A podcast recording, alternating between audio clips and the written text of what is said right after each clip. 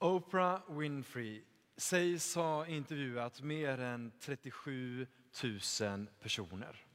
Och eh, hon har beskrivit att hon insåg efter ett tag att alla, oavsett om det var en fånge, en vanlig arbetare, en musikstjärna eller en president, ja till och med Barack Obama själv, alla ställde henne en fråga efteråt. Samma fråga.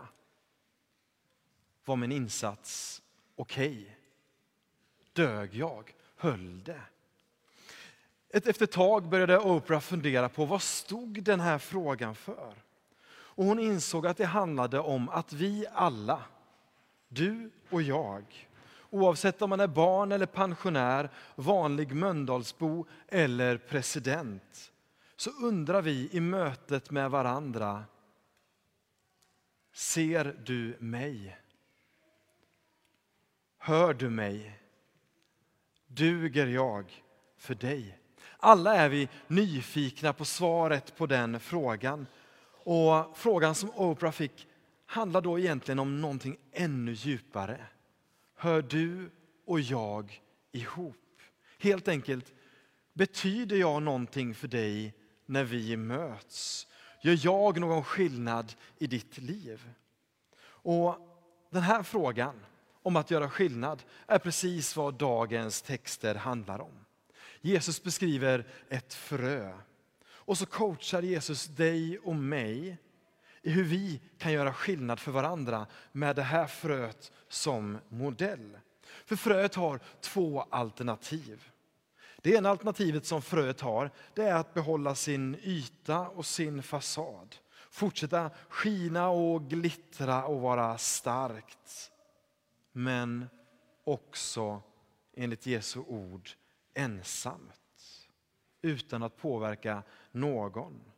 Det andra alternativet som fröet har enligt Jesu ord är att det kan låta sin fasad brista. Det kan läggas i jorden och låta ett möte ske mellan fröets insida och marken.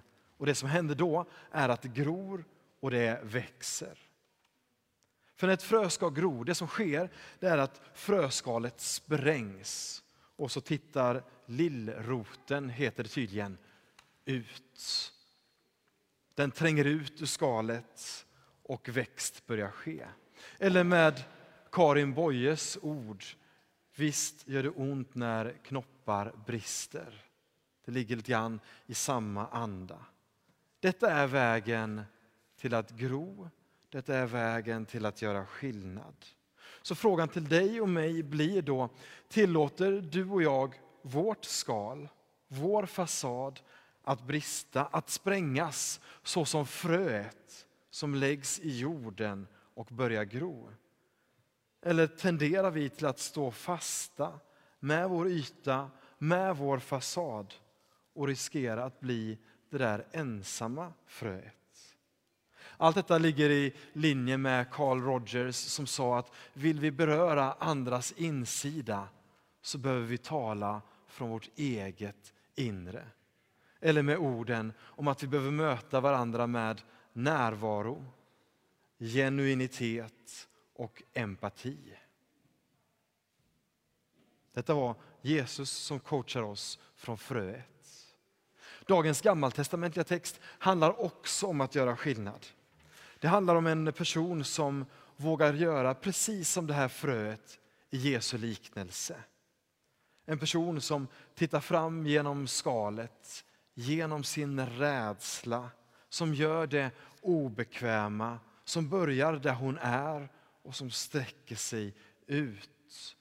Det är Ester, rädd och modig på samma gång. Inte bara modig, inte bara rädd, utan rädd och modig. Hon var en judisk tjej som hade blivit drottning i ett icke-judiskt land. Och då, precis som nu, fanns grymma härskare som inte brydde sig om andra människor, inte brydde sig om andra människors liv. Och kungen i det här riket hade bestämt sig för att alla judar skulle dödas. Då fanns det en jude där som hette Mordokaj. Och Mordecai försöker förhindra detta, så han kommer till Ester, den här tjejen. Och så vädjar han till henne och ber henne prata med kungen om att kungen ska ändra den här situationen. Att kungen ska rädda alla judar i landet. Men Ester är rädd. För att närma sig kungen utan att ha fått tillåtelse, det var förenat med livsfara. Även om man var kungens egen drottning. Mordecai däremot är målmedveten.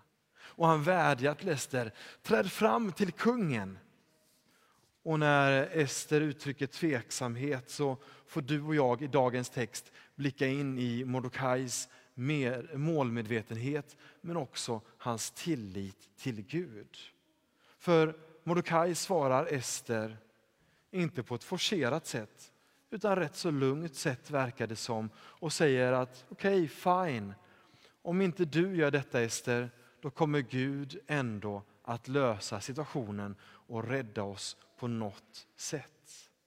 Den tilliten till Gud tänker jag är inspirerande och kan vara rätt så skön att bära med sig i den oro som vi ser i världen idag.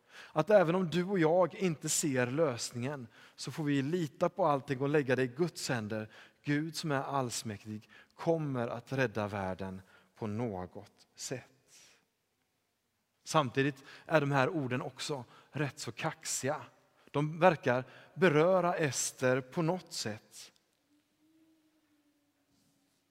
Utmaningen till dig och mig är, kan vi försöka applicera samma tillit i våra liv? Mordecai litar på Gud. Hans tillit till Gud gör honom inte passiv. Snarare gör de honom aktiv, för han tror ju allt är inte kört. Det går att göra skillnad. Hoppet är inte ute och allting kan förändras. Så tilliten till Gud om att Gud kommer rädda verkar leda Mordecai till att fortsätta säga till Ester de här beryktade orden. Kanske var det för en tid som denna som du blev drottning. Också detta inspirerande ord. Mordecai uttrycker en övertygelse om att det finns ett syfte med ditt och mitt liv. Det finns en anledning till att du och jag är just där vi är. Det finns en anledning till att Ester var där hon var. Kanske var det för en tid som denna som du blev drottning. De här orden får Ester att ta risken. Hon går in till kungen och hon räddar sitt folk. Och nu kommer en fråga till er, till oss. Jag vill att ni alldeles strax ska vända er två och två och under en minuts tid diskutera med varandra om den här meningen skulle sägas om dig. Kanske var det just för en tid för denna som jag... Dun, dun, dun. Varsågoda och fyll i meningen. Just för en tid som denna, vart har du blivit placerad? Med vilka förmågor, vilka egenskaper, var har du hamnat? Varsågoda.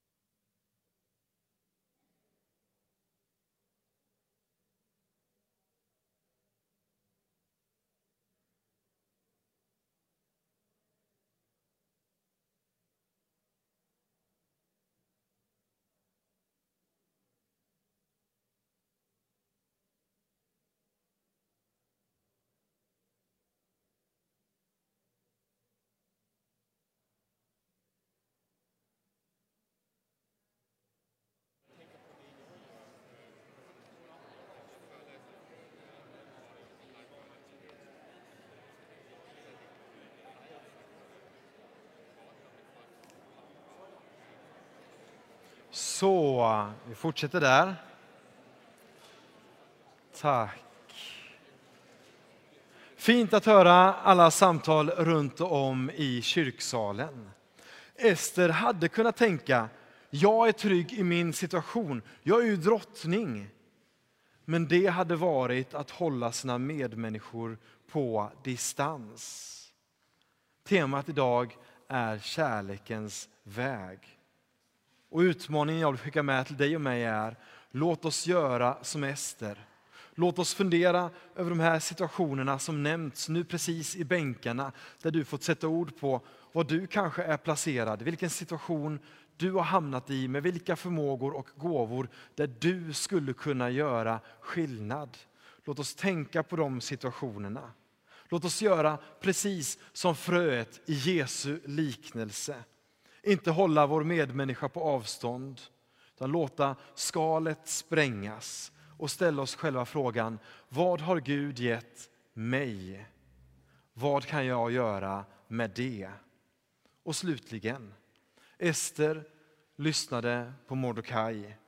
Vems råd lyssnar du på?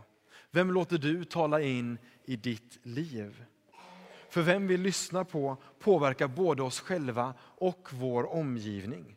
I Esters fall var det helt avgörande för hennes mod. Så vad kan rätt råd i ditt liv skapa för din omgivning? Vilken situation är du sänd att förändra? Med de frågorna så får vi tillsammans ställa oss upp och stämma in i kyrkans trosbekännelse.